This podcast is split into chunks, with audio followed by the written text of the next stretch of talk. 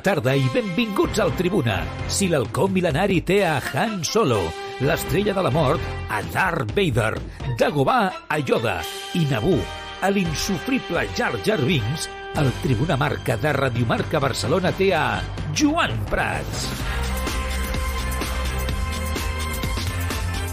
Pràcticament igual que tots ells, eh? Pràcticament ja, a mesura que em vaig fent gran, em vaig apropant eh, cada dia al, al món Star Wars i seria jo feliç si m'hi quedés allà tota la vida. Bé, com esteu? Bona tarda, benvinguts un dia més al, al Tribuna Marca. Xavi Hernández, que ha parlat avui en roda de premsa abans del partit de demà davant del València, explica què els hi ha dit als futbolistes després de l'eliminació a la Champions League. L'entrenador parla d'autocrítica i de desgràcies. Bé, hem parlat de canviar el xip, de que estem en una bona dinàmica de joc en la, en la competició que és la Lliga, que en la Champions doncs, ens ha passat de tot, que ha sigut una, una desgràcia tot el que hem hagut de, de viure, que ha sigut errors nostres, hem fet molta autocrítica del que, del que ens ha faltat en els partits, sobretot grans, no? com Inter i, i Bayern, que hem tingut les nostres opcions, que hem tingut personalitat, que en tot moment ho vam tenir les nostres mans i que se'ns ha escapat. Bé, doncs ja passar pàgina, pensar en la Lliga, que crec que estem fent una, una gran Lliga, allà estan els números, estem eh, ben situats en la classificació, lluitant pel, pel títol en aquests moments, doncs aquesta és la dinàmica que hem de seguir, que hem de creure en el que estem fent, que estem treballant bé, estem entrenant bé, doncs, que som una pinya dins del vestidor. Bé, hem parlat de moltes coses i, i crec que demà és un gran moment per tornar a reaccionar. No? Hi ha moments de la temporada que, és, que requereix reacció, doncs demà és un altre, un altre d'aquests moments.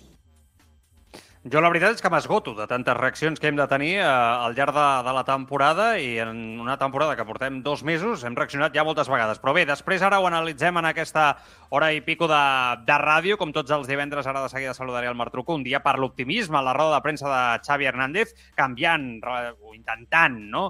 canviar el pensament dels eh, culers respecte a l'eliminació de, de Champions i aquest dur, perquè això és evident, és un dur inici a nivell de temporada pel barcelonisme i atenció, el tècnic parla de guanyar les quatre competicions que queden com a principal objectiu de la pues siendo positivo, está claro, ¿no? Es, una, es un batacazo importante lo de, la, lo de la Champions, pero quedan, quedan otras competiciones y aún podemos hacer una, una gran temporada, ¿no? De luchar por la Liga, de la Copa, hasta la Supercopa y está la Europa League. Pues pues a luchar. Eh, creo que en Liga estamos en una buena dinámica. Los dos últimos partidos han sido excelentes, muy buenos, contra rivales fuertes. Mañana es otro rival fuerte, el Valencia, que trabaja muy bien, con mucha intensidad. Pues, pues es otra prueba y otro, otro día para mostrar eh, reacción, ¿no? para mostrar ese orgullo, ese carácter que, que el equipo tiene.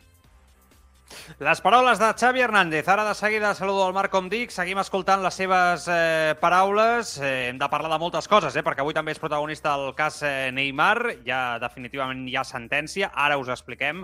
S'està parlant de molts noms de cara al mercat d'hivern. De fet, avui a la roda de premsa Xavi ha reconegut no? que tot i que era d'hora no es descarta ja doncs, que està treballant l'equip eh, per incorporar l'equip tècnic amb Mateu Alemany i la secretaria tècnica doncs, alguns efectius en aquest eh, proper mercat d'hivern. El Barça vol reforçar el lateral dret, vol reforçar el pivot eh, i vol, vol incorporar jugadors de, de nivell per al tram final de, de la temporada. Hem de parlar de Quique Setién, que ja es va passar pel partidazo de Copa i de Radio Marca.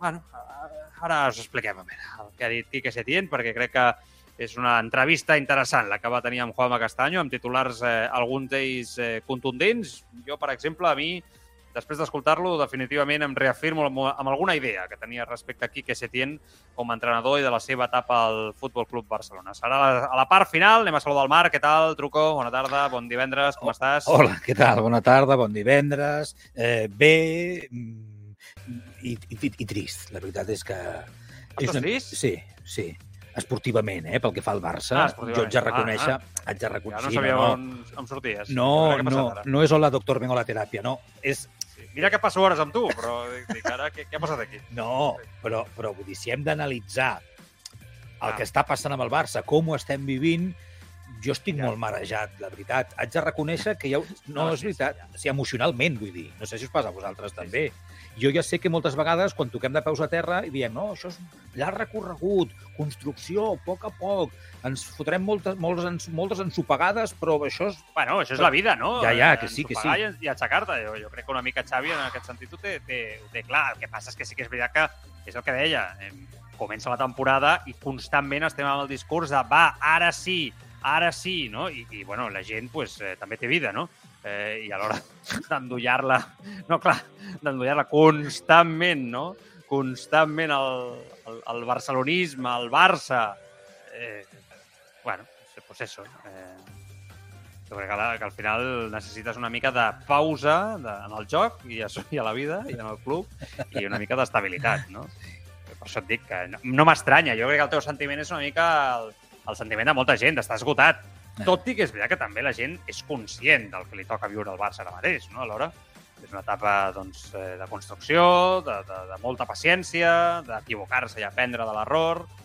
I, bueno, doncs això no és el meu moment. Bueno, en directe a través de... És que li estic veient la cara al Marc.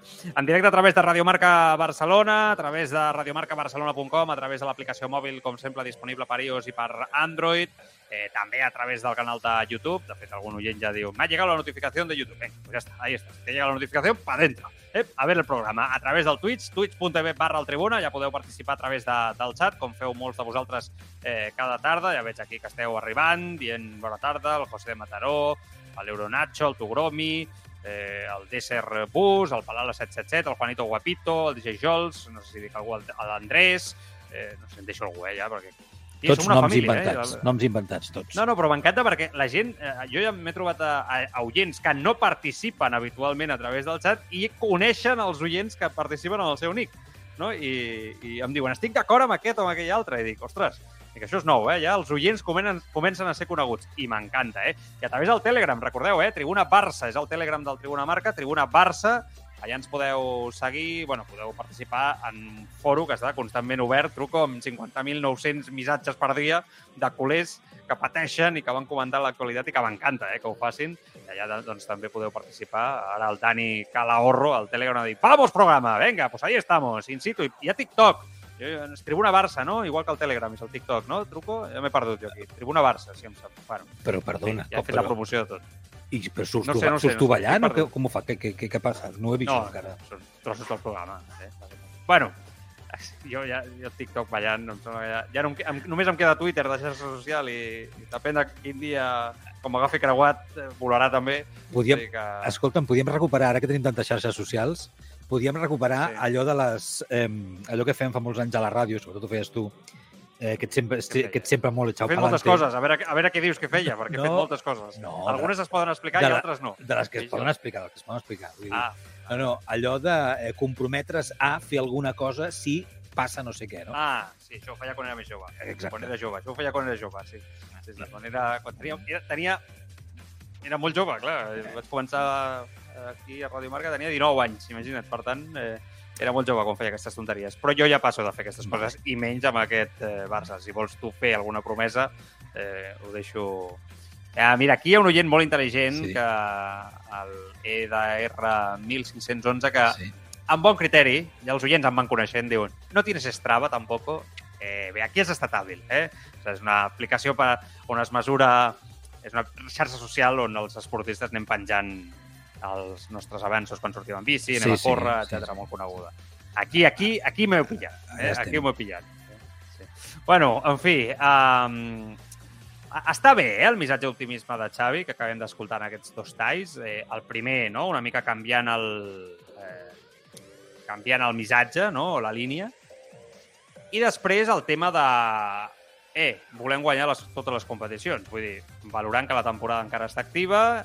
El que no m'agrada, i és algo que ja segurament serem una mica repetitius, és aquest discurs de Xavi, que ja ho dèiem ahir amb el Carlos, que quan expliques l'eliminació a la Champions, a mi em, em continua fent la sensació, puc estar equivocat, eh, però em sembla no, que escoltant-lo, com l'escoltem aquí cada dia, que el pes de la desgràcia, de, de la mala sort, internament pesa més l'autocrítica del club de, de, a l'hora de fer les coses o els errors que hagin pogut tenir des del cos tècnic a l'hora de treballar aquests partits. No? I ja ho deia ell, a mi, jo continuo dient que aquest possiblement per mi no sigui el millor camí a l'hora d'avaluar el que és l'eliminació a, la, a la Champions.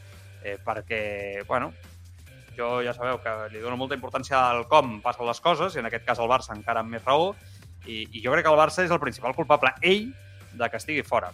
Ja sé que no no és nou, eh, un dia més ho torno a dir i sóc repetitiu en el meu missatge, però sí que és veritat que un dia més, Truco, tinc la sensació que a dins del club ha calat molt el estem fora per mala sort amb el grup, les desgràcies en els partits, moments puntuals, hem merescut més... No sé, eh, ho diré tal com ho sento, em sonen eh, excuses de perdedor.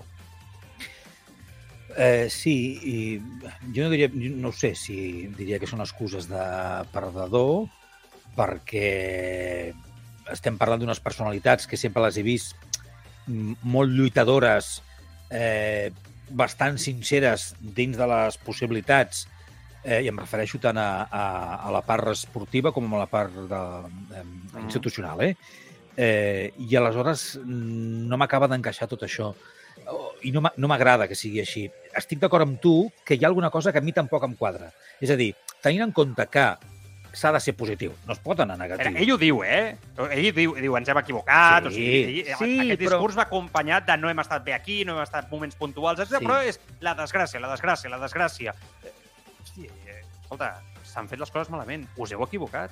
Hi ha partits que han estat mal plantejats. L'actitud no, ha estat la, no ha estat el millor. Pedri ho diu, no ens donava, no ens ha donat per la Champions. Ho diu Pedri. No ho dic jo, ho diu Pedri, que està al terreny de joc. Llavors, bueno, eh, això de les excuses, els àrbitres, tal, em preocupa. Si aquest és el discurs que cala dins, em preocupa. No, no crec que sigui el millor per on construir, al final, allà on vols arribar, que és l'objectiu, no? A veure, eh, haig de dir que jo crec que nosaltres estem, que ho hem comentat en el despatx, una miqueta en, en una situació de- d'allò del, del, del vaixell dels pirates, quan et posen en el, allò, a la, a punto de saltar con los tiburones, perquè... Ah, sí, sí, sí, sí. Una situació delicada. Mm. Una tonteria. Bueno, tu, Eh, tu i les teves sí. coses. Sí. Perquè nosaltres som molt de Xavi. I, i, I ens cau bé. I creiem que és un tio que, que ha fet molt pel Barça, que està intentant fer molt pel Barça, eh, que sempre ens ha agradat molt com parlava, eh, s'equivoqués o no s'equivoqués, com ens passa a tots, eh? I sí que és cert que ara, no sé per què, des de que les coses no acaben de rotllar aquesta temporada, a mi em sembla, ja dic, eh, em sembla percebre algunes cosetes en roda de premsa, més enllà del que passa amb el terreny de joc, que podem criticar com fem cada dia, que veig que són diferents, que han canviat.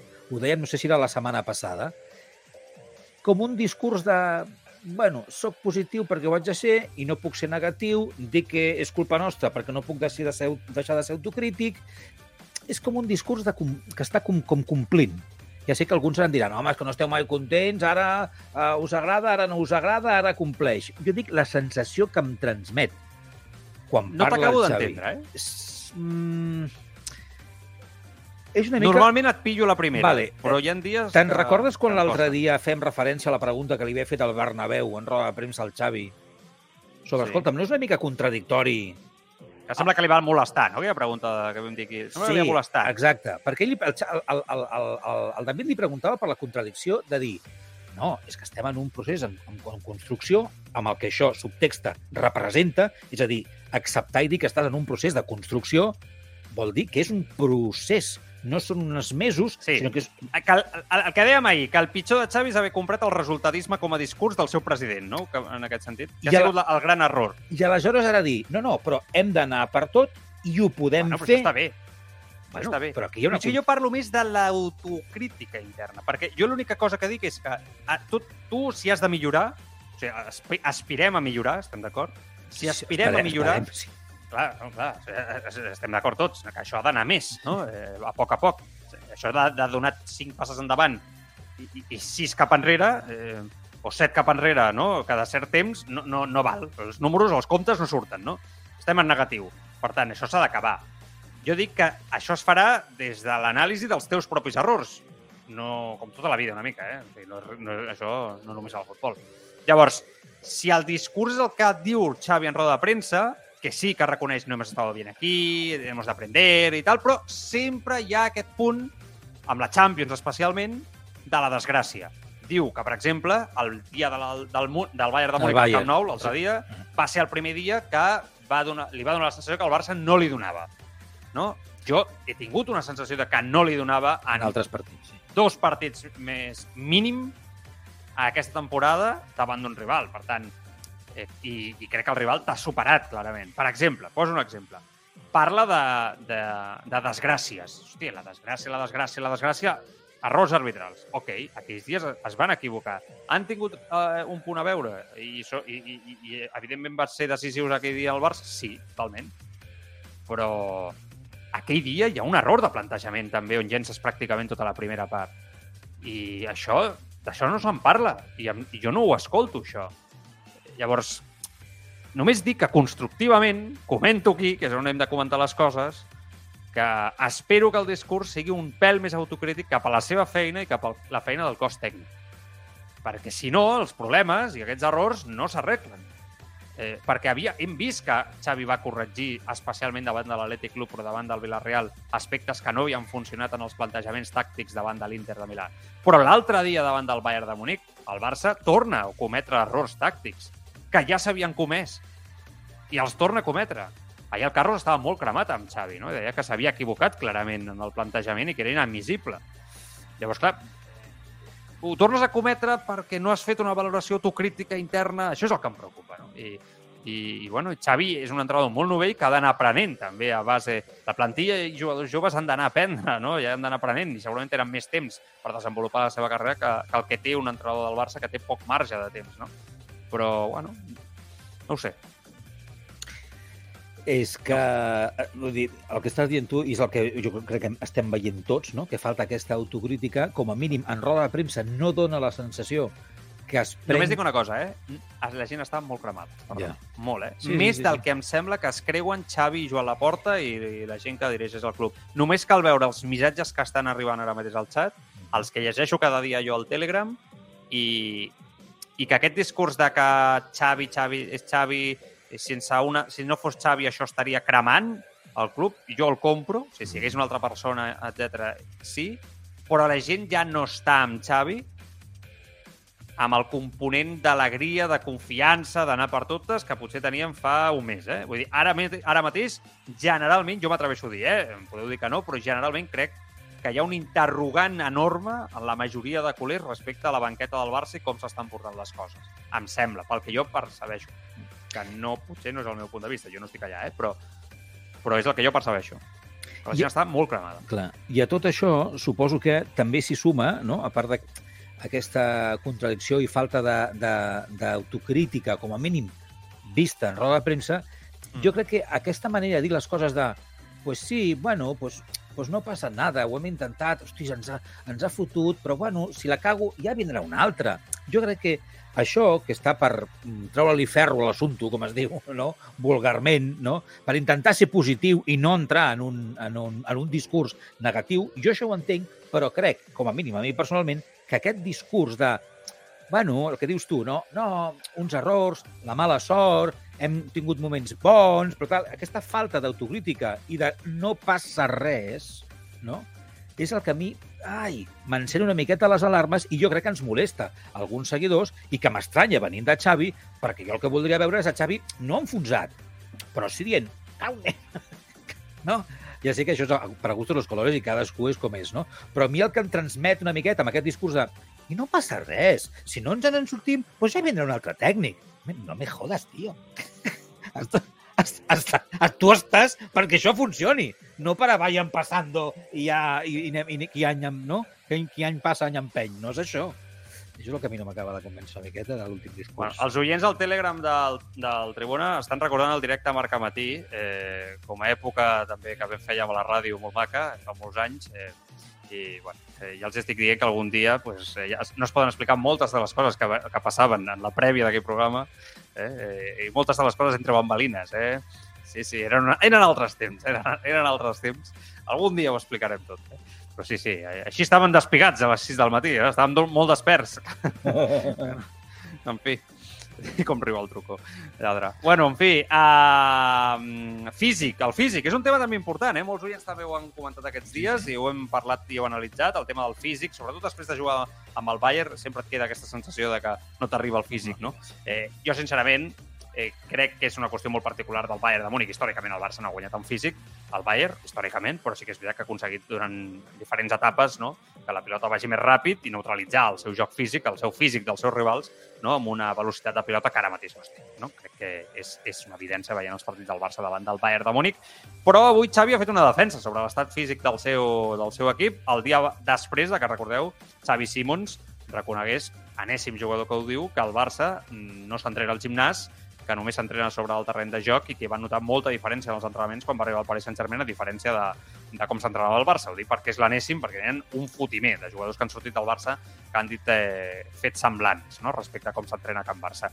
Xavi ha defensat en aquest cas l'estat físic dels seus, eh, dels seus jugadors i, i com s'està treballant. Sí, però així, escoltant la pregunta, tu et quedes amb l'escenari del, del partit del Barça-Bayern, no? No, jo em quedo amb el, amb el Bayern-Barça. El Bayern-Barça, si mireu el partit, doncs és un partit que, que l'hem de guanyar. Per això jo repeteixo que tinc la sensació, i no, no vull enganyar ningú, eh, de ser honest, sobretot amb mi mateix, de que hem competit amb el Bayern. L'altre dia no. L'altre dia no, però ja estàs eliminat. Ja estàs eliminat i és molt difícil. En un global, jo crec que hem merescut molt més. Hem merescut molt més. Sent sincers, però ja està. O sigui, no, no ens, el que deia el Pedri té tota la raó. No ens ha donat no ens ha donat físicament, sí, sí, però si físicament hem acabat empatant el partit de l'Inter al minut 92 i amb opcions de guanyar, i al Múnich vam acabar atacant i tenint el Bayern al seu camp. Bé, doncs jo crec que és la, la pel·lícula que hem, de, que hem de veure és aquesta, que els hem competit, els hem competit, que no ens ha donat el resultat, sí, però jo crec que és el, és el camí. És el camí, ja sé que el resultat és negatiu i estem tots contrariats, nosaltres els primers, però jo crec que és el, el camí que hem de seguir. Hòstia, em sap greu per Xavi, però eh, és un discurs ple de contradiccions, eh, Marc? O sigui, eh, primer diu que va dir el Pedri i no ens ha donat, o sigui, Pedri es referia al joc, no al resultat, quan deia que no li havia donat. Eh, després, eh, no? O sigui, està ple de contradiccions. Parla de que han merescut més en el global, etc. Sincerament, o sigui, si tu poses el global de l'Allianz Arena, et guanya el Bayern 2 a 0. És veritat que són 15 minuts letals on et maten, no? I tu has tingut moltes oportunitats, oportunitats que no has aprofitat durant el partit. Però si tu fas el global, el bany del Camp Nou, vaja, no sé, vull dir, em sembla que no compensa. Ostres, i, i està ple de contradiccions, no? No ens ha donat... Després no ens ha donat el resultat, ho va dir Pedri, no, però Pedri es referia al joc. Ostres, em sap greu perquè, insisteixo, eh, aprecio molt a Xavi, crec que és molt apte, crec que serà un grandíssim entrenador, però començo a veure molta contradicció en el seu discurs i que la situació bueno, no sé, a nivell de discurs, com dic, repeteixo la paraula, per enèsima vegada, crec que és molt important que un entrenador del Barça, del Madrid, d'aquests grans clubs, quan parla davant dels mitjans de comunicació, tingui les idees clares i enviï un missatge a vegades clar i concís, millor que grans explicacions donant voltes o girs no? que, que, que la gent s'acaba perdent amb ell. No? Jo només dic, torno a repetir-ho d'abans, si aquest és, aquesta és la manera o aquest és el missatge intern, entendria que alguns jugadors es perdin pel camí, perquè el jugador moltes vegades ja has de parlar molt clar i el jugador moltes vegades no té la comprensió que, que, que, que pot tenir una estrella a nivell intel·lectual, parlo de futbolistes, que eh, a nivell de coneixement futbolístic pots eh, fer explicacions molt més treballades perquè les captaran, no? I, no sé, em sembla que... Bueno, això, contradiccions, contradiccions. Moltes ja em preocupa, clar. Xavi segurament ara ens contestaria, no? Si ho tinc claríssim, ens diria tal. Vale, ok, però la roda de premsa és una. És que... I aquí has de, has de, has de clavar el missatge, eh? Jo, jo un paper clau. Jo insisteixo, eh? fa ja unes setmanes que jo el Xavi el veig diferent. És una qüestió no només mm. del que diu, sinó com ho diu. Hi ha alguna cosa del llenguatge no verbal, del llenguatge corporal, de la seva forma d'expressar-se, del seu to, del seu ritme, de com deixa anar el missatge, que jo crec que, em dóna la sensació, eh, que ha canviat. I, yeah. I a mi em fa pensar en pilot automàtic. M'explico? El Xavi està com amb un pilot automàtic.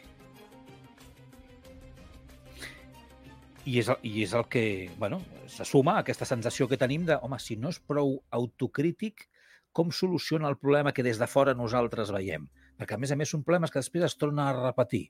No? Decisions que veiem que, home, les proves una vegada, veus que no funcionen eh, i tornen a venir una altra vegada, que les mateixes decisions. No? Eh, si no s'és autocrític, com soluciones el problema? Doncs això ho associo al mateix. Ja. Alguna, pot ser, no ho sé, eh? perquè filtracions n'hi ha moltes i es diuen moltes coses, mm, te les pots creure o no te les pots creure i fins on poden arribar.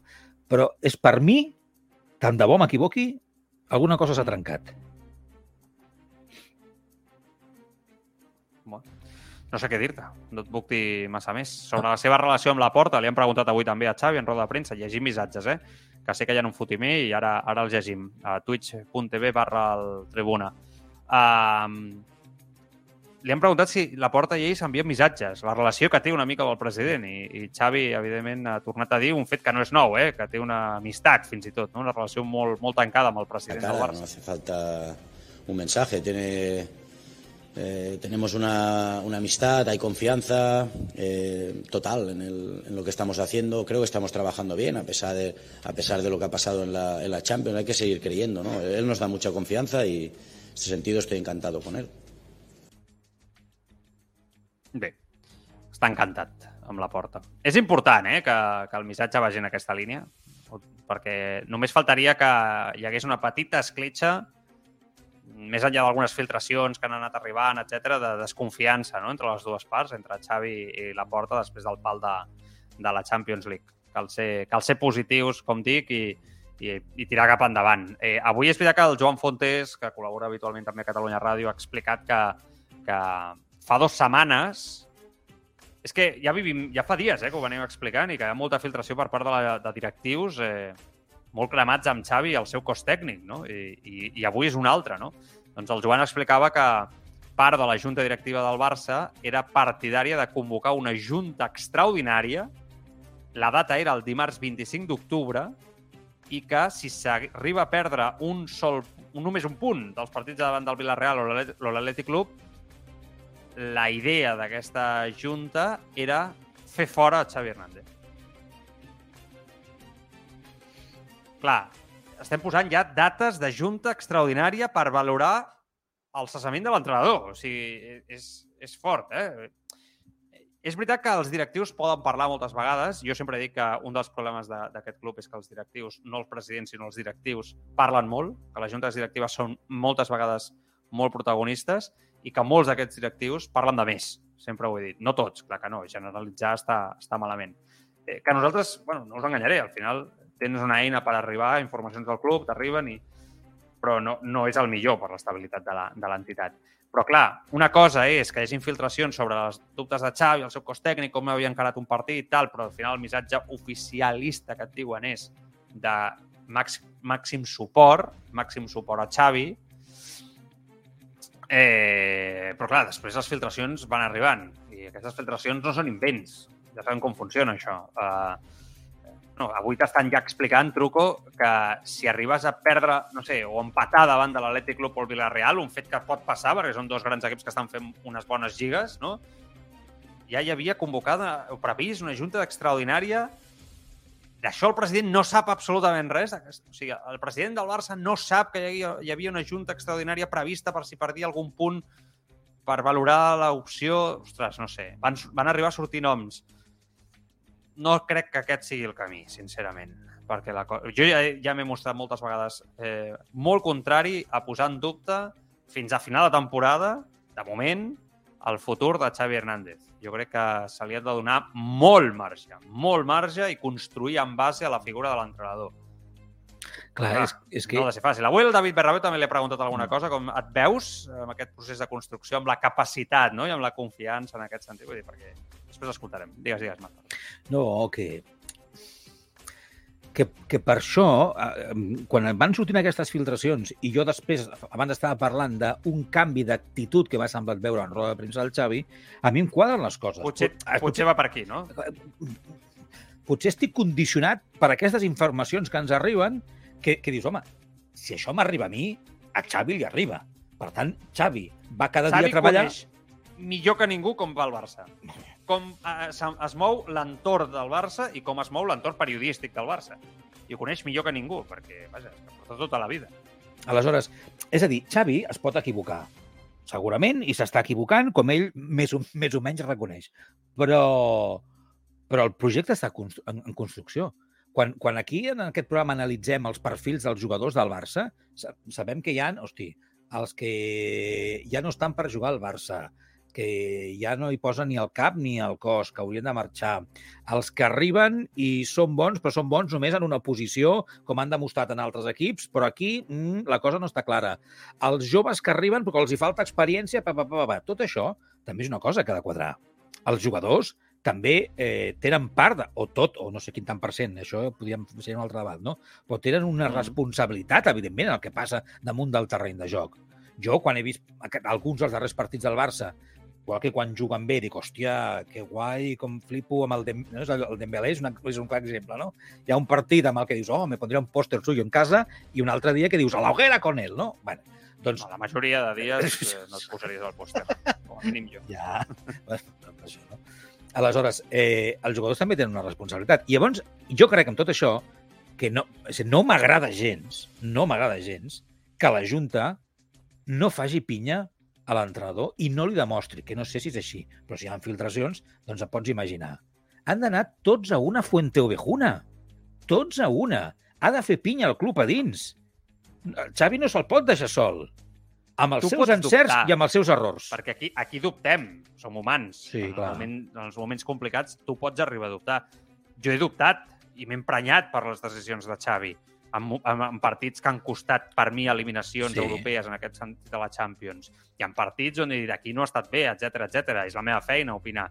Però jo no he deixat de creure que carregar-se Xavi no? seria la pitjor notícia. Vull dir, és molt pitjor fer fora Xavi a aquestes altures de la pel·lícula en algun moment, si és que, si és que passa, eh, que donar-li un projecte, i jo fins i tot encara aniria més. O sigui, hi ha molta gent que parla fins a final de temporada, jo encara aniria més. Perquè a vegades eh, costa molt afiançar un projecte de zero com el que està fent el Barça futbolísticament. Però jo puc dubtar, però no dubto de fer-lo fora. A mi el que em preocupa és que gent de dins, a la mínima, ja no tingui cap mena de fer amb ell. Clar. Sí, clar, a nivell professional, a nivell de, de, de, de fer les coses bé, d'alguna manera, no? a nivell de, de club, de gestionar amb paciència i tal. Crec que no és, això no va tant pel president Laporta, que, que Laporta s'ha caracteritzat sempre per donar, tenir paciència amb els entrenadors, precisament com a president. Crec que va més per aquests directius. Hosti, doncs potser et ve gran, eh, ser directiu del Barça. Si et dediques a filtrar això i, i penses això. En saps molt poc, potser, de, de projectes futbolístics. No fas cap bé al club. Simplement dic això, eh? Sí, sí, és Simplement això. dic això. Mira, li, li ha preguntat al David Bernabéu avui, Sí. una pregunta molt interessant. Eh, clar, és que Xavi ha deixat clar que creuen que tindran el temps suficient per poder treballar sense problemes i sense la pressió interna i a nivell de club i, i diu que creu que sí, que estan a gust i que no hi haurà cap problema. Si la vamos a tener. Bueno, nosotros no, no dejaremos de trabajar, está claro, ¿no? Creemos mucho en lo que, en lo que hacemos, ¿no? no sí, sí, sí, yo, yo noto, noto, ya le he dicho a, a David, ¿no? Que noto, noto la confianza total en, en el proyecto y que tenemos tranquilidad en trabajar. Está claro que, que no, es, no es lo que esperábamos, las expectativas son altas, son muy altas. Este año es, el objetivo es ganar títulos y evidentemente hemos perdido uno, es obvio. Hemos perdido la Champions, ¿no? Quizá uno de los más importantes junto a la Liga. Entonces, bueno, no estamos en una buena situación. Es aguantar las críticas, es tratar de seguir trabajando. No tenemos dudas desde dentro. Desde dentro no hay dudas de que estamos trabajando bien y de que los resultados pueden llegar a final de temporada, ¿no? Sí, paciencia y calma. Bueno, sí, yo la tengo. Tengo la confianza del, del presidente, de la Junta, de Mateo, de Jordi, así que no me queda otra que seguir trabajando. Nada más. No me queda otra... Sí. No me queda otra que seguir trabajant. És és que veus que hi ha coses que no, que no, acaben, no, ens- no acaben de... Hi ha algo, per mi hi ha algo, eh? Bah, bueno, pues sí, pues claro, es lo que hay, no, no me queda otra. Que... Hi ha alguna cosa d'aquest discurs que no està bé. S'ha trencat alguna cosa? Ho sento, eh? Ho sento. No. I aleshores, Clar, clar, després aquestes preguntes no són casualitat. Vull dir, els periodistes que pregunten no pregunten per casualitat. Clar, estan sortint un fotimer d'informacions i de filtracions interessades Clar. en aquest sentit. Els periodistes parlen amb molta gent del club. Quan preguntes és perquè hi ha algú... hi ha alguna cosa. que Sí, sí. hi ha alguna cosa, li has de preguntar. Li dius, escolta, sents aquesta pressió? Et deixaran? Tu creus que et deixaran eh, treballar amb el projecte, etc etc i tal? No me queda otra, no? Diu, sí, jo siento la confiança, però no me queda otra. És, és el que dèiem abans, vull dir, et, et dono una resposta en una línia, però alhora et dono també una resposta dins de la mateixa frase que trenca el que acabo de dir, no? Llavors dius, per què Xavi està fent això a les últimes rodes de premsa i abans no ho feia? Oi? Què ha canviat eh, en tot això? Bueno, bueno, anem a llegir missatges, a veure què opina la gent, perquè déu nhi eh, el moment que està vivint el Barça. Eh, déu nhi Va, twitch.tv barra el Tribuna, evidentment, molts missatges sobre tot això que estem comentant. Portem ja 3-4 talls de Xavi d'aquesta roda de premsa d'avui, trucant a la porta. Sí. Eh, Portant la llet. Important obrir, sí. El divendres a la tarda dubto que, que portin la llet. Sí, sí. Bueno, en fi, uh, què diu la gent? Va, som-hi. Quins has Bueno. seleccionat? Perquè els missatges els selecciona el truco, eh? Avui Va sí. posant estrelletes i després els treu. Molt bé. Sí, sí, sí. Avui, com que no està el Carlos, Molt bé, molt bé. he anat posant. Jo, per començar Molt el programa, el José que deia, buenas, missatge positiu per començar el programa. Toca levantar-se i ponerse en modo liga. M'ha semblat xulo començar el programa així. Després ja ho hem Tota tombat, la raó. ho hem, ho hem tombat nosaltres, eh? però aquí estava el tema. Ah, espera, que el tregui i el poso. El Tugromi, que ha dit discurso repetitivo i ja no cuela, que serà una mica el resum d'algun del que pensen alguns oients sobre el que estem parlant de la roda de premsa del Xavi. Eh? L'Euronacho, que ha dit les excuses de siempre. Se tiene que hacer más autocrítica. El DC Rebus deia, mañana Valencia. Hay que demostrar que el equipo quiere ganar la Liga y olvidar la Champions. Després, Sortida complicada, eh? Sí, supongo parlarem ara, ¿no? Al DJ Jules deia, es que me parece surrealista que se esté hablando de fichajes cuando se dijo que se ficharía esta temporada para no tener que fichar en las próximas dos. Sobre el, el comentari que deies del que també ha dit Xavi, no del, del fitxatge a a l'hivern. A l'Euronacho diu, hay que pensar que, aún, a- que aún pasando la fase de grupos de Champions no hubiésemos llegado muy lejos. Hay que ganar la liga sí o sí y construir para años venideros con cantera y fichajes puntuales de calidad. Vaja, el que sempre hem demanat una miqueta tots, no? El de, de que deia, totalmente de acuerdo, ganó el presidente que no tenía proyecto deportivo, pero el socio votó. Pues ahora, eh, parlant de les decisions de, de la directiva i del marrón que hi ha ara. Juanito Guapito 56 deia, somos una mierda de equipo y punto. És un punt de vista també. És que, és Una- que gent molt cremada, eh? O sigui, Jo, jo no crec que l'equip sigui una, una merda. Eh, crec que hi ha molt talent al Barça, moltíssim, però jove. S'ha de deixar treballar, han de créixer, clar. El Toni Moreno Salas diu, És entendre el moment. a Xavi los jugadores estos no se lo creen. Que d'això també se n'ha parlat una miqueta, no? De si s'acaba d'entendre amb alguns dels jugadors del vestidor, o si l'acaben d'entendre amb ell, o... Igual és que els hi parla en català i no l'entenen. El Tugromi diu, eso lo hacía el Madrid de Mourinho, la culpa es de los demás, respecte a les declaracions de... o algunes declaracions de Xavi, no? Eh, què més? El, aquí el Juanito diu, ya llevamos tres entrenadores de estar por casa. Mm, S'ha cabrejat, eh? Sí, el Marx 42, que deia Joan i Truco, en Xavi Hernández seria un entrenador pel Barça B, però no pel primer equip. No és l'únic missatge que ha arribat al respecte, dient alguna cosa semblant. El Laporta Guinness diu, mal anàlisi, si no es fa crítica sobre el joc.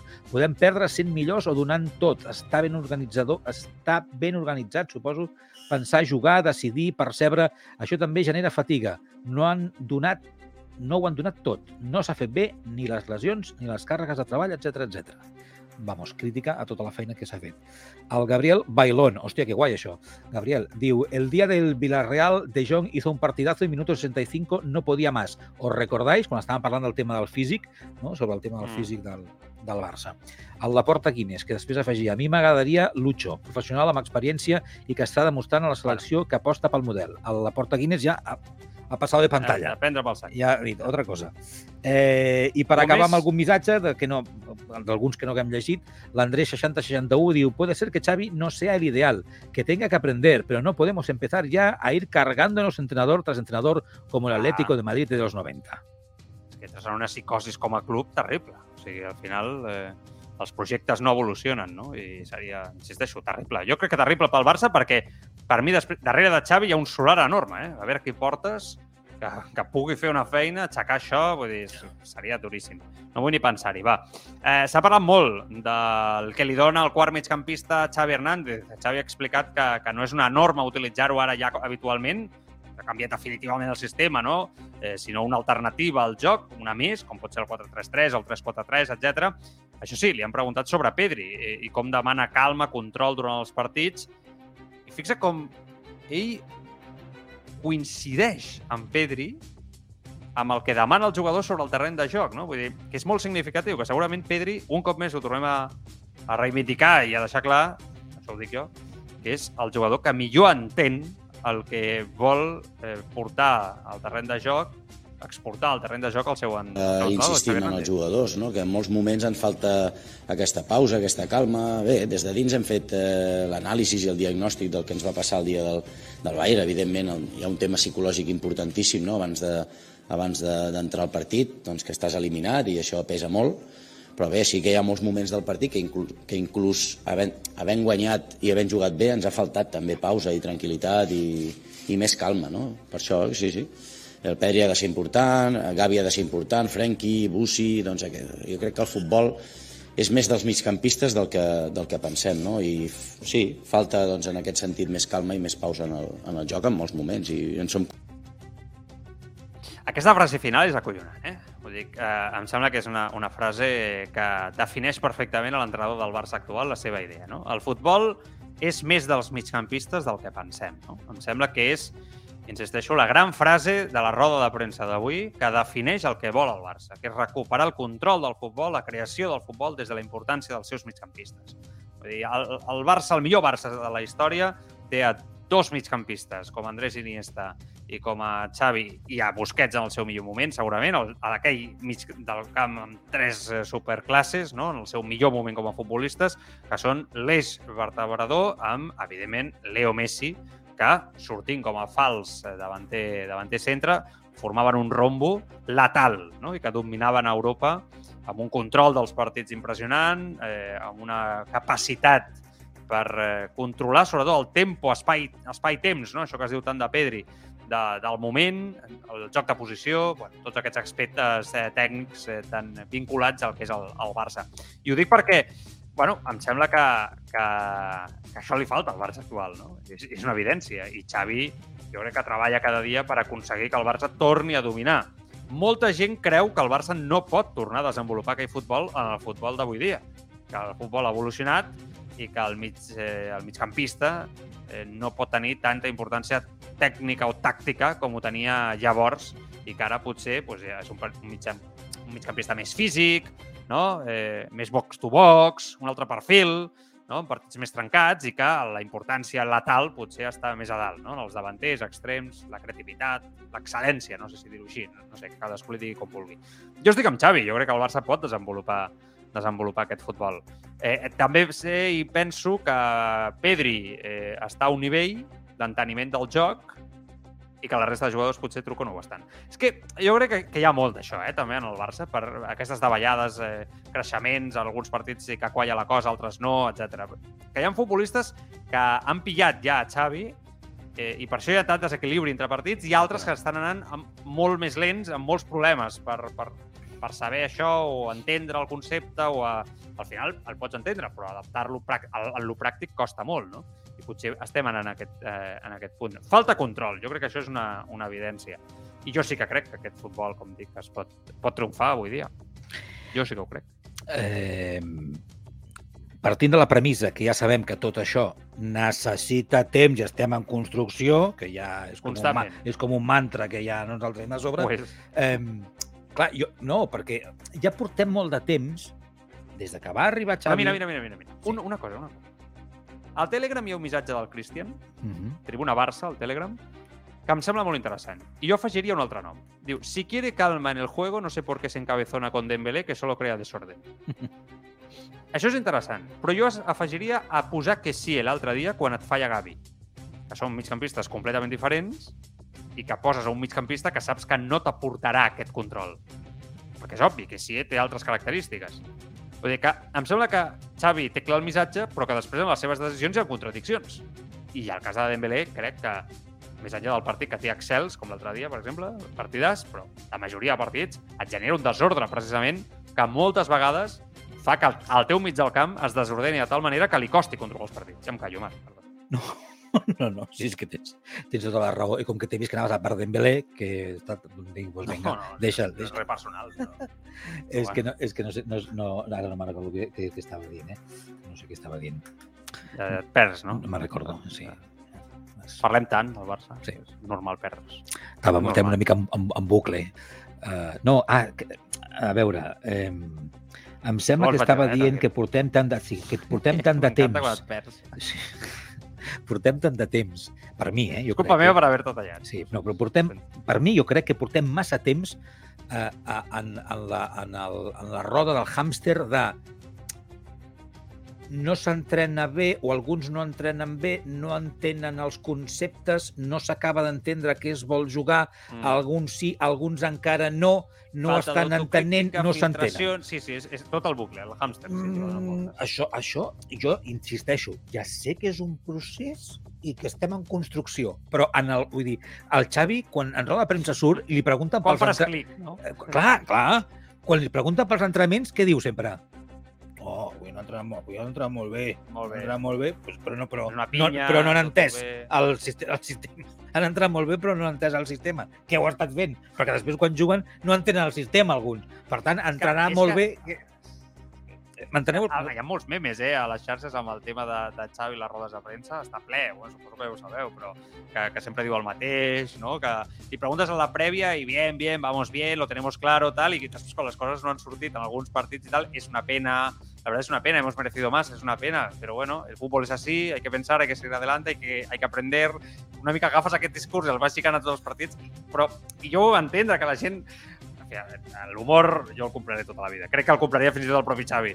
Però, Segur. no, parlant en, en aquest sentit, segur, va, un catxondo i un, tio molt maco. Però, però sí que és veritat que, clar, la situació de construcció de, de roda de hàmster, que m'agrada molt aquesta definició, i portem tant de temps a la roda del hàmster aquesta, que és cert que comença a ser una mica eh, cansino, no sé, esgotador, no, no, no, no veure avanços o veure que tens un equilibri, no? És, és el problema, no? Que jo crec que Clar, veiem perquè- tots en l'entorn. Perquè si tu vas a jugar a un sistema i apostes per un sistema que jo crec que tots estem d'acord que ha de ser un sistema millorat, no? que ha de ser un sistema modern, del segle XXI, que tingui altres opcions, no?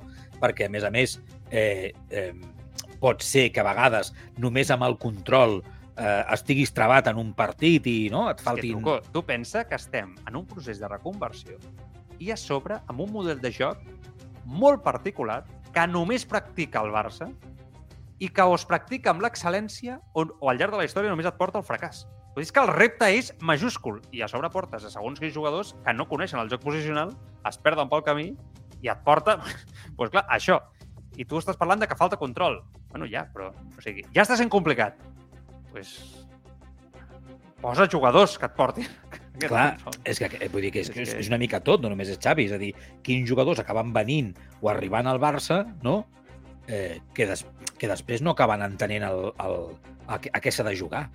Clar, aquí és, no, són, són diverses coses, ja ho sabem, però no podem estar en aquesta roda...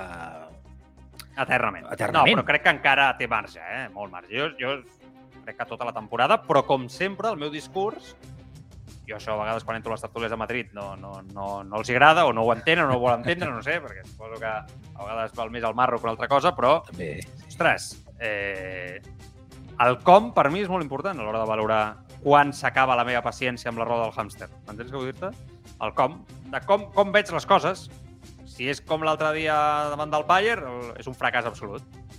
Però si veig una imatge com la de l'Allianz i el resultat no arriba, doncs segurament no pot ser un fracàs encara que perdis o quedis eliminat, perquè dius, ostres, vaig bé, ja arribarà la cosa, no? El problema és que no hem vist que va bé. Aquest és el tema. Que hem vist que la cosa s'ha anat torçant, no? I aquest és el problema, és el que veu la gent i per això la gent s'emprenya. Bueno, eh, anem a parlar del València.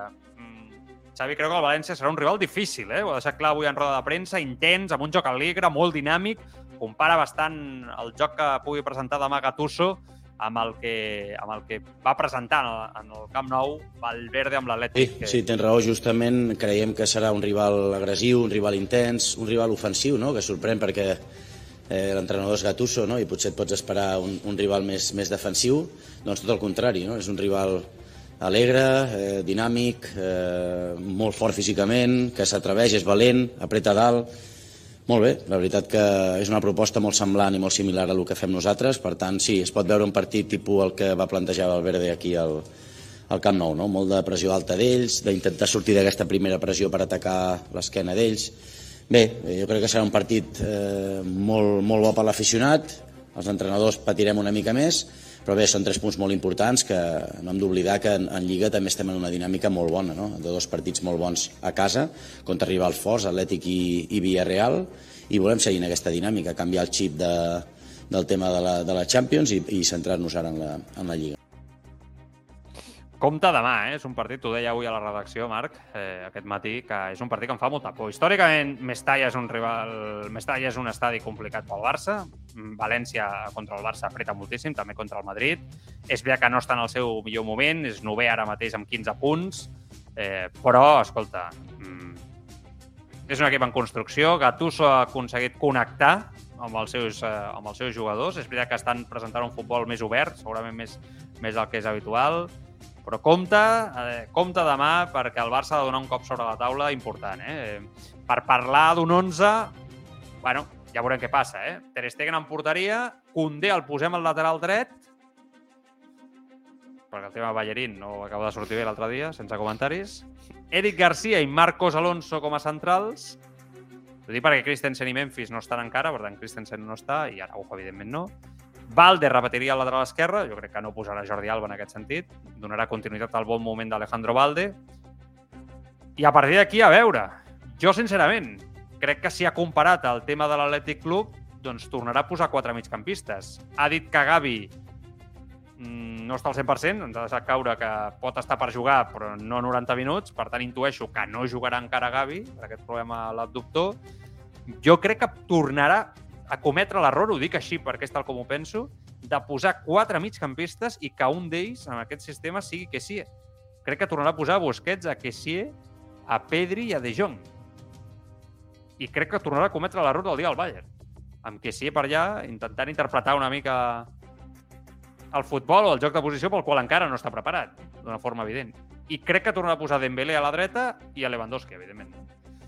Crec, eh? em puc equivocar. Una altra opció, si aposta pels quatre migcampistes, seria donar-li protagonisme a Pablo Torre. M'encantaria, sincerament, no us enganyaré. M'encantaria que Xavi demà tingués un cop de personalitat d'entrenador, d'estil, i que digués el nano jove, el que s'adapta a l'estil, encara que sigui jove, però el talent el té, és una evidència que el talent el té, el futur és dels joves, en aquest sentit, i Ansu per davant de Dembélé. No sé, són opcions. Veurem què fa, Xavi. Es juga molt, eh? Perquè també el tema d'Ansu Fati, una nova suplència, amb també amb tot el que ha sortit, Truco, no seria tampoc, suposo, no? el, el millor pel, pel jugador, el seu entorn, el que s'està dient, etc. El que s'està dient es, pot, es comenta o, no, o és off the record? Perquè jo a, a vegades em perdo, eh? És off the record, eh, Val. es diu que l'entorn no està massa content. Es diu. Val, ok, d'acord, d'acord. Aquí es diu que l'entorn no està massa content, amb la manca de continuïtat com a titular i que es Mhm. mereix més minuts. bueno, doncs, i això no, és- ja, va, ja va cuejant, ja fa temps, no?, que ja veiem que hi ha alguna cosa que no acaba de rotllar. Abans posàvem en dubte, o es posava en dubte o s'explicava, no?, que el propi jugador és el que no tenia confiança en ell, i ara sembla que potser la confiança no és del jugador, sinó de l'entrenador. Eh, no ho sé. A mi, eh, potser estic massa condicionat per d'on venim. Mm, No, no m'apassiona massa. Em, em, El tinc, partit, tengo miedito, o l'11. l'11. Sí. És un dia important, eh? Jo, jo, crec que el Barça ha d'aconseguir guanyar tots els partits fins a l'aturada del Mundial. Aquest ha de ser l'objectiu, no fotem. Vull dir, vens de guanyar bé a Villarreal, davant del Villarreal i l'Atlètic Club, has de donar continuïtat a això. És que ara mateix seria molt traumàtic i em sembla que és el que han quedat Xavi la porta una mica, eh? el compromís de després de les converses internes. El que s'ha dit una mica és això, eh? que hem d'aconseguir tots els punts, guanyar tots els partits, inclús, inclús el desplaçament on et jugues l'honor davant del Victoria Pilsen, fer-ho amb dignitat, no? que només faltaria que vagis a jugar aquella patxanga, que és una patxanga allà, perquè jugues diners, no? però sense cap mena de mèrit eh, competitiu, els dos equips, però donar mala imatge. No, escolta, guanyes tots els partits, dones un cop a sobre de la taula i te'n vas al Mundial amb tot tranquil. Sí, és que aquest és el problema. Estàs treballant amb els jugadors, eh, que no se'n vagin al Mundial, que seran pocs. Que, Quin és el aquest, problema? que, que no, que no, que el Barça no... Aquest Barça és incapaç de fer això, Joan. El què? Tenir continuïtat? No, no, no, no, no. No, No no, no, amb el partit que estaves dient, aquest últim partit de la Champions, Sí. Eh, Són unes circumstàncies molt especials, també, aquest, eh? ja, partit. sí, no, no, clar, clar. Surts eliminat. Sí. Bueno, això Pues- poc ajuda, clar. No, no, no, però quan, què va passar l'altre dia quan, quan vam veure que l'Inter rang, arrasava amb el Victoria Pilsen, no? Ja vam tirar una mica la tovallola i vam dir, bueno, ara esperem, com a mínim, que per l'equip... dignitat, que per- el Barça doni un cop... No, sí, sí. Sí, perquè si no, al contrari, Sí, serà sí, sí. Negatiu. No, doncs no, serà negatiu. clar. La imatge davant del Bayern és molt negativa. Però Bueno. què, no, què vols dir? Que davant del València tu esperes que el Barça doni un pas endavant eh, no? i que el, davant de l'Almeria, aquests partits que queden, etc i que l'equip creus que no aguantarà aquesta pressió de, de tancar amb un objectiu de punts abans de l'aturada? Hosti, la Lliga, com a mínim fins ara, ens, ens està, està fent una bona Lliga, el Barça.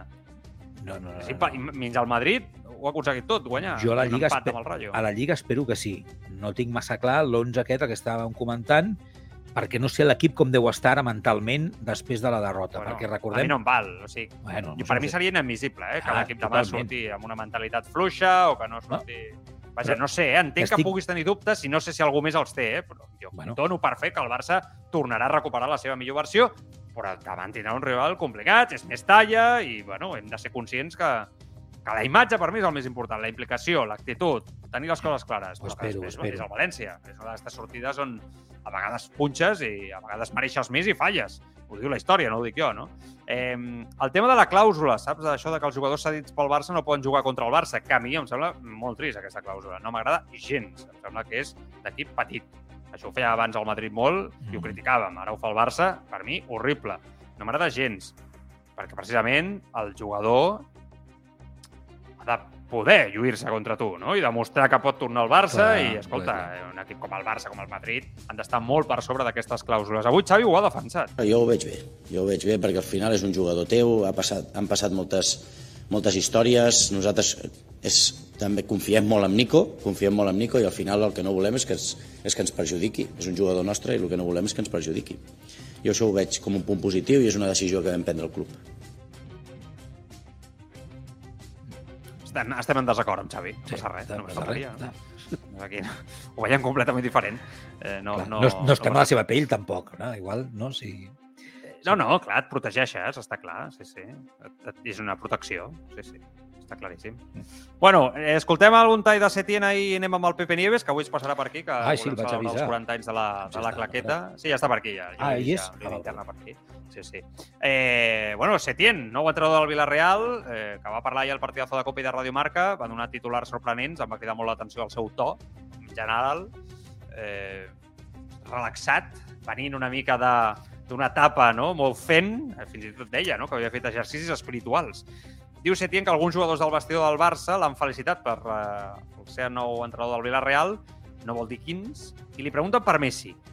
Li pregunten per Messi i Setién canvia el to. Amada o lo que sea. Sí, sí, ¿Sí? sí, al- algunos me, me han felicitado, eh, he recibido algún mensaje de ellos eh, eh, dándome la enhorabuena por esta... Por esta ¿Ah, sí? Sí, Se- Sería muy indiscreto preguntar quién es, que con quién mantiene buena relación. Vale. No, pero no por, no, hombre, por saber con quién mantiene buena relación, que no, no sé si es mm, Sergi Roberto Bueno, o, o- Mantengo seguro, eh, más o menos con, con casi todos con los que más eh, relación tuviste y más, y más eh, pudiste conectar, porque realmente en el vestuario no, no todo el mundo al final conectas de la misma manera, cada uno tiene su manera de ser y es verdad que yo soy una persona cercana que trato, pero pero, pero no, tampoco pretendo que sea el caso de todo el mundo y Ya. ni que le caiga simpático a todo el mundo. Tú vas ahí a trabajar, tratas de transmitir lo que sabes, igual que vas a estar aquí y lo mismo que me pudo pasar en Barcelona, me pasó en Sevilla, me pasó en Las Palmas y, y me va a pasar aquí. ¿Por, qué, Claro, porque por- al final- por qué cree que no conectó con Messi? Eh, de Messi ya he dicho que no quiero hablar, no tengo. eh, de Messi quiero recordar única y exclusivamente eh, todo lo que me hizo disfrutar, que viví 14 años esperando a que llegara la hora del partido del Barcelona para sentarme en el sofá a disfrutar no solamente con él, que lo hice mucho con, con el equipo, con jugadores que tenía a su alrededor también, como Iniesta, Xavi, en fin, eh, que me hicieron disfrutar. Y eso es lo que, lo que me va a quedar, como le tiene que quedar a todos los aficionados. Todo lo demás, eso no importa. ¿no? ya, No pero ¿se, se da cuenta la cantidad de cosas que se dicen cuando uno dice de Messi no quiero hablar? Bueno, eh, pero eso hay que respetarlo, ¿no? Sí, sí, por supuesto.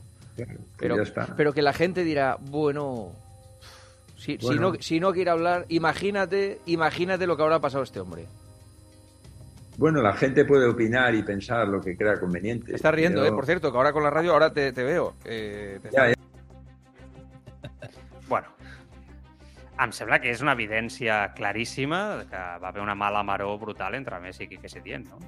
Que és, se li nota tot, bueno, jo ho veig claríssim. Al final, crec que tots sabem el que va passar.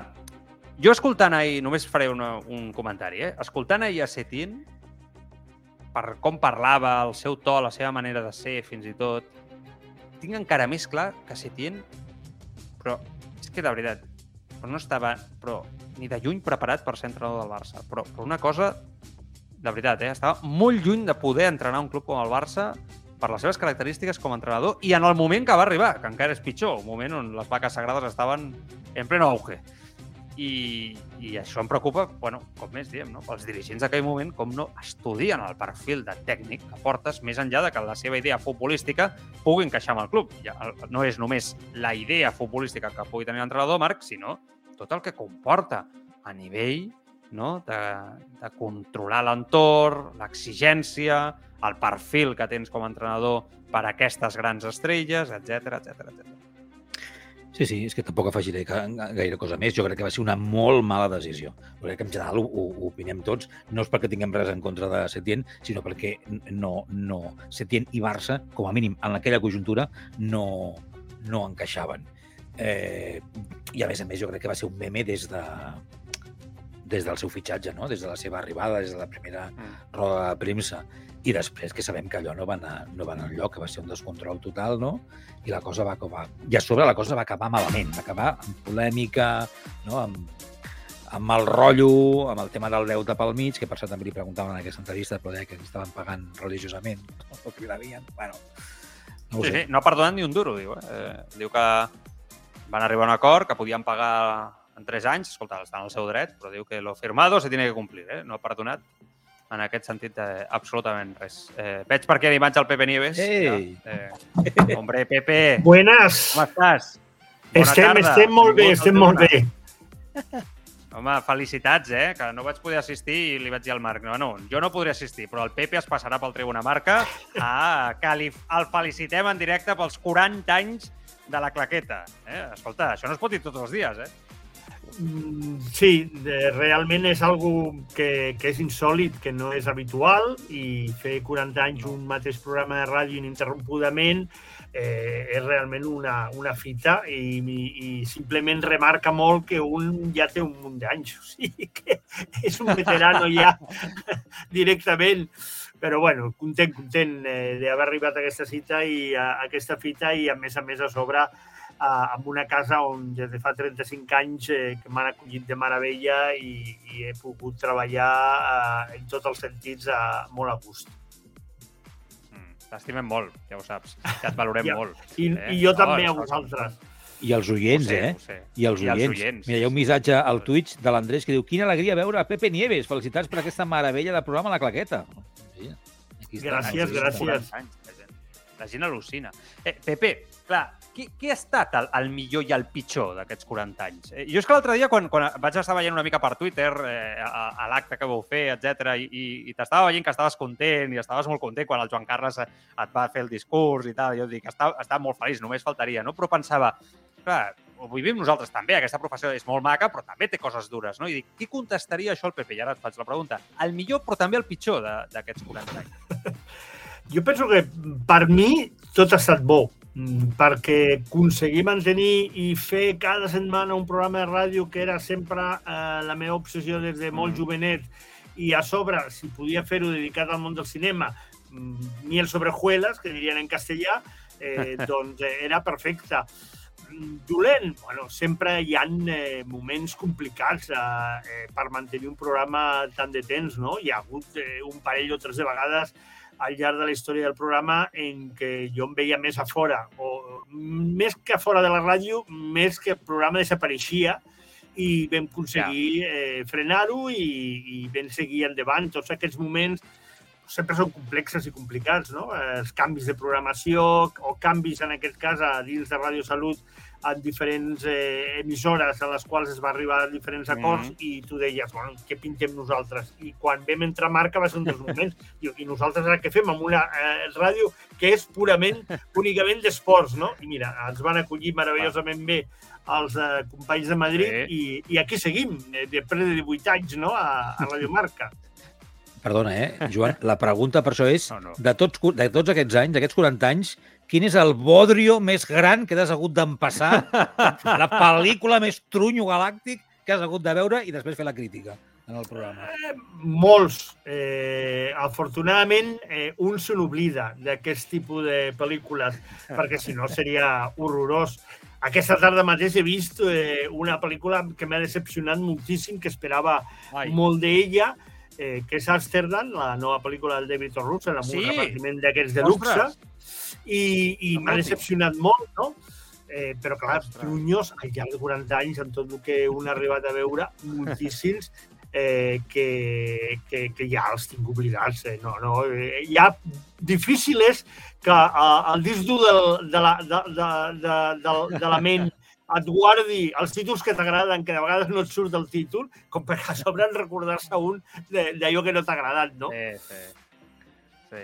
Pepe, eh, de qui te'n recordaves especialment l'altre dia? Jo, jo, jo ja et coneixia quan vam fer el, el veu fer els 30, perquè jo estava per aquí, era jovenet i tal, ja te recordes que ja estava per aquí i tal, però, però clar, els 40, no? És que els 40, ostres, és una, és una xifra, és difícil, és molt difícil. La ràdio, per un, ja no és ràdio, un podcast avui dia, no? ja que és més modern, és molt difícil estar 40, 40 anys a l'antena. Però de qui te'n recordaves, especialment? de molta gent, eh, de molta gent que estava allà al cine i sobretot de la gent que no hi era al cine, que ja Ah. no han pogut arribar a viure aquesta situació. Amics meus eh, i que a més a més han estat professionals de, de la indústria que han fet possible que el programa tirés endavant. Eh, mo- moltes vegades oferim eh, doncs, preestrenes, per exemple, per als oients. Eh, va haver un munt Mm. d'anys en què quasi cada dues setmanes teníem una preestrena eh, que oferia als oients gent com l'Antoni Llorenç de Lauren Films, eh, que a, a part d'això, recordeu que era un culer eh, eh, a- a- empedernit Mm. sí, sí. i va estar a punt de fer uns cinemes al, al complex al Camp Nou, no? Eh, que va ser un projecte que va tenir i que, i que va haver un moment que semblava que tirava endavant. Manel Vicaria, que va començar en aquesta casa amb el Manu Fuentes a Ràdio Salut, amb un programa que feien dissabtes a la tarda i que es va convertir en un dels millors caps de premsa que ha tingut la indústria del cine en aquest país eh, i que va morir amb poc més de 40 anys amb un càncer que en un mes ens, ens va deixar. Eh, gent que, que ara no hi és i que a mi m'hagués agradat que, que estiguessin eh, al meu costat Clar. celebrant aquests 40 anys perquè van ser persones importants a, en aquest cas al, al llarg de, de la història del programa. I evidentment, per exemple, eh, la persona eh, en la qual d'alguna forma o altra no hi era i que tocava més de prop és el meu pare, que afortunadament de, de la família és l'únic que, que des de fa uns anys eh, ens va deixar i, i és, eh, en aquest cas, ja a nivell més personal eh, i privat, eh, és, és eh, la persona que possiblement trobem a faltar.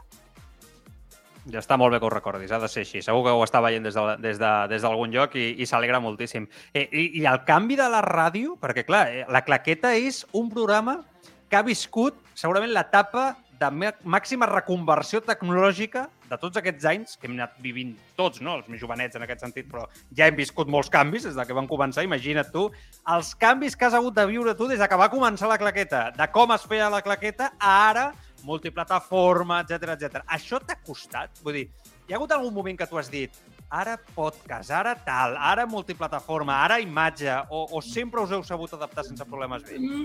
Hem intentat adaptar-nos, perquè evidentment el que no pots fer és quedar-te enrere si vols seguir fent, Ah. fent ràdio. Però clar, eh, jo recordo que al començament de la claqueta eh, tot ho gravàvem amb, amb, els, amb les cintes magnetofòniques. Eh, no hi havia Clar, cap altre sistema de gravació, no? I, i es guardaven en aquelles cintes que encara conservo alguna, em sembla, no sé on, però en algun lloc bo. i conservo alguna. Eh, després, amb el pas del temps, van arribar als ordinadors eh, i, i que, bueno, eh, amb una capacitat brutal, no?, eh, que, que vas guardant coses i coses i, i, i, Mm. i tens que anar adaptant aprenent en aquest cas, a vegades, fins i tot, i Clar. saps que a les emissores on nosaltres treballem, que són eh, emissores eh, que volen ser importants, però són petites, tens que aprendre també a editar, a, a muntar i, i, i, i, a, sí, sí. i a gravar tu per la teva compte, amb la qual un, eh, des, de, Clar. des de fa molts anys, eh, es va ficar una mica a intentar també eh, saber com funciona tot això. Ara, ja, Clar. eh, tot el tema dels podcasts, jo els anuncio i gràcies a Carlos Gil, que els té sempre a punt i ho munta tot de manera meravellosa i estan allà. Jo això ja sí que em perdria, tindria que ficar-me a l'ordinador. Ja no, eh? Un programa, no? Jo em sembla que amb Ja això no. ja, ja seria, seria massa, ja. Eh, ja n'hi ja ha prou. Bueno, què, què punxes truco en imatge, que dius? Mira, el Johnny que Deluxe de l'apartamento Costa Brava que diu Hola Pepe, he suposat que era algun col·lega o algun amic o Hi ha algú, molta gent que algú t'estima molt. Sí. del, del Pepe. Hi ha, hi ha molta gent. Puc fer una Eh, pregunta? Eh, perquè, clar, són 40 anys de, 40 anys de, de programa de cinema, hauràs entrevistat a molts actors, directors, actrius, sí, etc sí. etc. Explica'ns alguna anècdota d'aquelles que, que cuesta No, hem, hem, hem, hem, hem entrevistat absolutament, eh, jo diria que a gran part de la indústria de, del cinema espanyol. Eh, tots han passat eh, per, pels estudis en, alguna, en algun moment o altre o per la línia telefònica. Des d'Almodóvar dels primers temps, eh, que jo me'n recordo eh, que venia sempre amb la trup d'actors i actrius que apareixien a les seves pel·lícules, la primera vegada que va aparèixer Almodóvar, eh, que jo em recordo, era El laberinto de pasiones, de la pel·lícula que protagonitzaven l'Imanol Arias i l'Antonio Banderas, eh, que feien una, una parella gay eh, que s'enamoraven, Sí, sí, sí, me'n i apareixen tots, tots el, el, en aquest cas estàvem a cadena catalana encara, apareixen tots, jo havia quedat amb ells per gravar-los una entrevista i després entraven en directe en un programa, en un magazín de, de la ràdio, i arriba l'Imanol Arias. Mm, eh, Imanol Arias, que això sí és un tio que sempre he tingut, és un professional com la copa d'un pino, jo, és puntualíssim, i em diu, escolta, mira, eh, tots els altres vindran d'aquí mitja hora, perquè van retrasats i tal. A mi no m'agrada arribar tard, grava'm l'entrevista i quan vinguin ells els hi graves amb ells. Mm, Aquesta és una d'aquestes múltiples històries i ell va anar fent els horaris que tenia eh, aparaulats eh, a l'hora que li havien dit que tenia que estar. Clar, clar, clar. I els altres anaven arribant quan podien, perquè, clar, quan arribaven era... estupendo.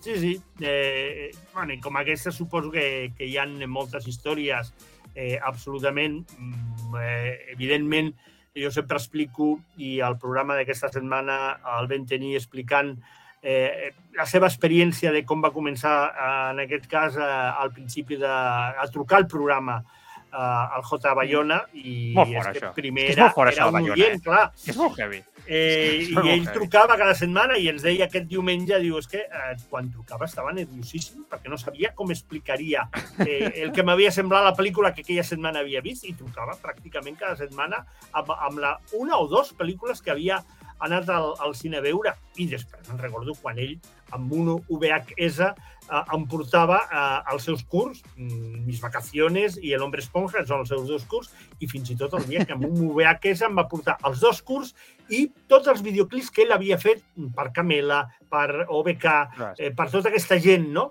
I, i t'ho portava amb una Sí. il·lusió brutal i nosaltres el, el, Que vam anar entrevistant i el dia de l'orfanato que vam fer el, el, la preestrena a Barcelona Mm. eh, amb tots els oients, amb motiu també de l'aniversari del programa, amb ell eh, Mm. aquell dia va ser absolutament eh, d'un goig eh, brutal, perquè, clar, Clar. tenir a un oient eh, convertint-se en director de cinema i que després, a més, Ah, ell ha no. estat eh, allò, ha seguit sent la mateixa persona que jo vaig conèixer amb 16 anys. Eh, un tio encantador, un tio Important. amable, proper, i cada vegada que li he demanat alguna cosa sempre ha estat allà al costat. O sigui que Que bé. eh, Bé, són moltes històries que podrien passar-se aquí eh, fins que demà comenci a gravar el programa.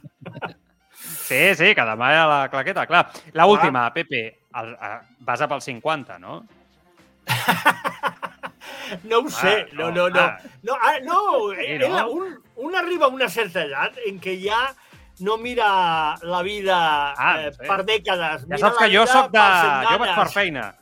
Ja, ja, ja. Ah, bueno, no No, sé. jo ara per ara eh, estic content, eh, tinc ganes de seguir fent el programa. Sí que és veritat que la indústria ha canviat molt, eh, l'exhibició, el cinema, eh, eh, amb, amb la incorporació de les plataformes, ha fet tot més complicat, més complexa. Cada setmana tens que veure moltes més pel·lícules que el que veies tu quan començava el programa fa 40 anys, el que tocava veure 4 o 5 pel·lícules a la setmana, que era el que s'estrenava en aquella època. Ara hi ha un promig de 20 pel·lícules entre les de plataformes Sí, i les sí, d'estrenos. sí, sí. És absolutament una bogeria que fa que, que, que et costi molt seguir aquest procés. Per tant, jo dic, anem ja no any a any, anem setmana a setmana, mes a mes, i ja veurem on, on, arribem. Bueno, hi ha un oient que diu que ets com el Xolo Simeone, programa a programa. Eh? Partit Clar, partit. sí, sí, sí, Una mica. completament, completament. Aquesta és la, aquesta és la idea. Sí, bueno, Pepe, veure, doncs res, Fa, fa 25 Digues, anys digues, un no esperava en cap moment, quan vaig fer el, el, el 20 aniversari, No, el, clar, viatge, el imagino. primer viatge amb els oients a fora, no esperava Clar, arribar mai un regal. al 40 aniversari. Con lo qual, dius, bueno, mira, ahir, ahir hem arribat.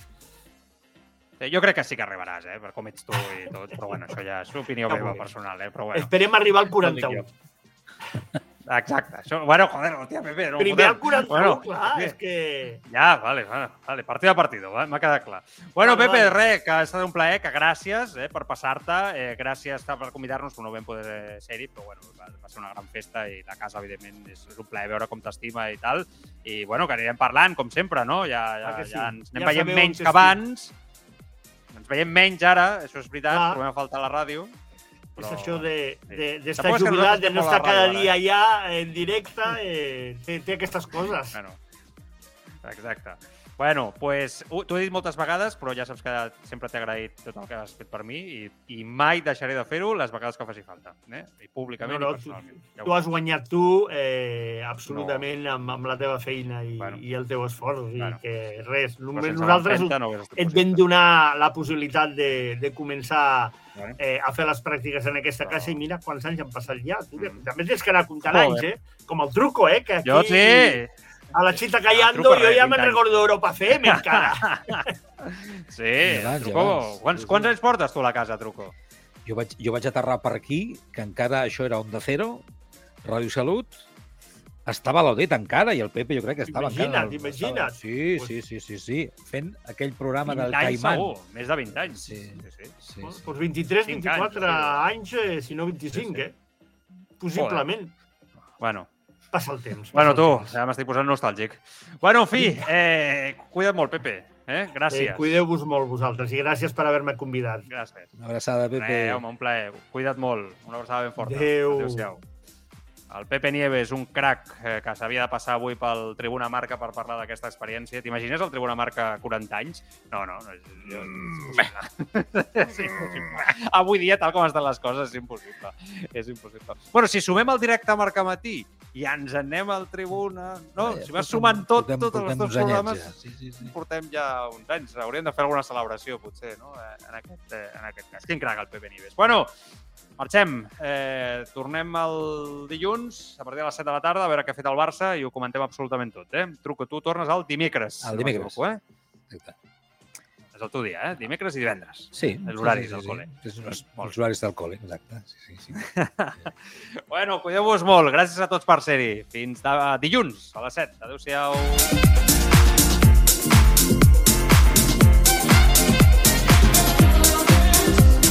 Directo.